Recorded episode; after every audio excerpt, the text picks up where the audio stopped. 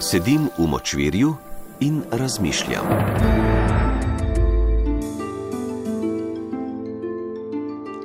Zapisi iz močvirja.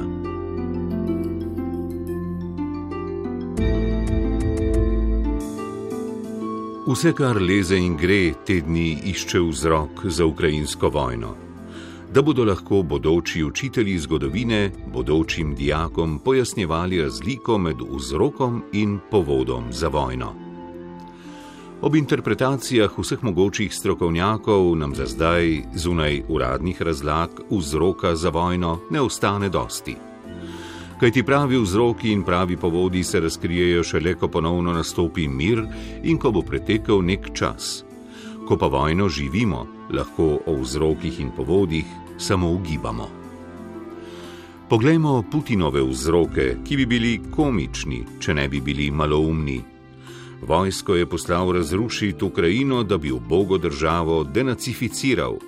Pomeni, da bi jo odrešil nacistične klike, ki ji vlada.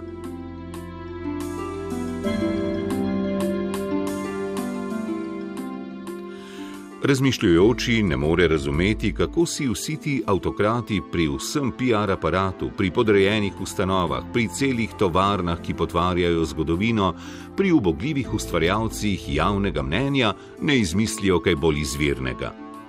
Ker metati naciste z oblasti se sicer sliši mogočno, nima pa nobene osnove v resničnem svetu.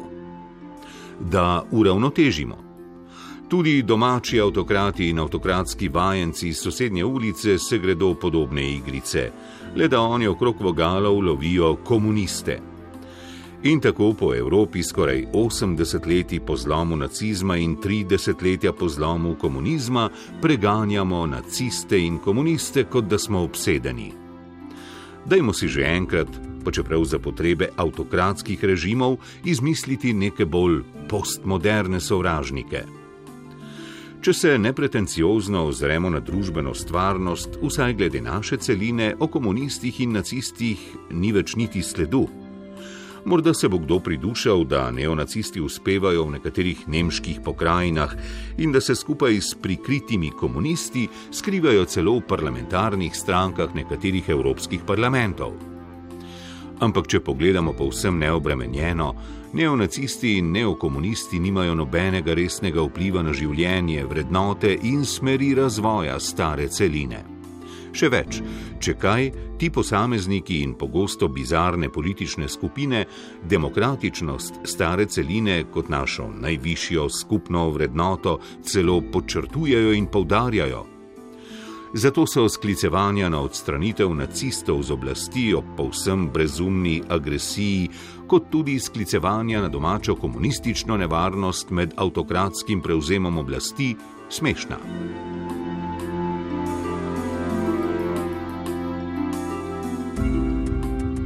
Naredimo preizkus.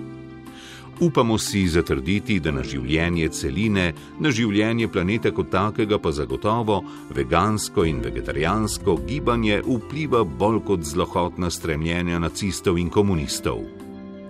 Povedano drugače, tisti, ki se odrekajo hrani iz drugih živih biti, so bolj upeti v naše usode, kot so to blodnje nasedlih ideologij zgodnjega 20. stoletja. In kako zelo humorno bi zvenelo, če bi Putin objavil vojno v Ukrajini zaradi tega, ker ji vlada vegetarijanska klika in ker je njen predsednik vegan.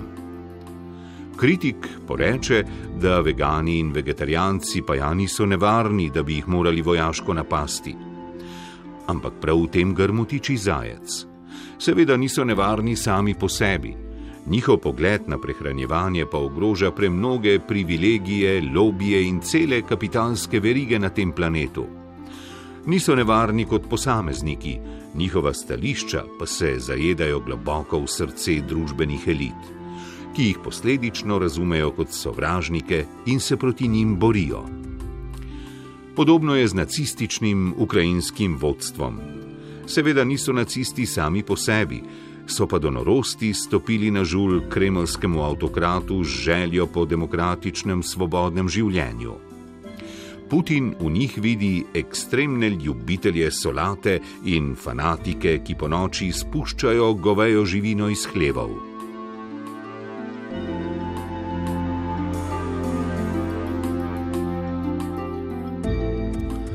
Pa še ena težava nastopa s komunistično-nacistično naracijo.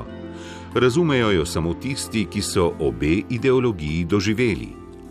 Da cinično ne zapišemo, kako so ju tvorno sooblikovali.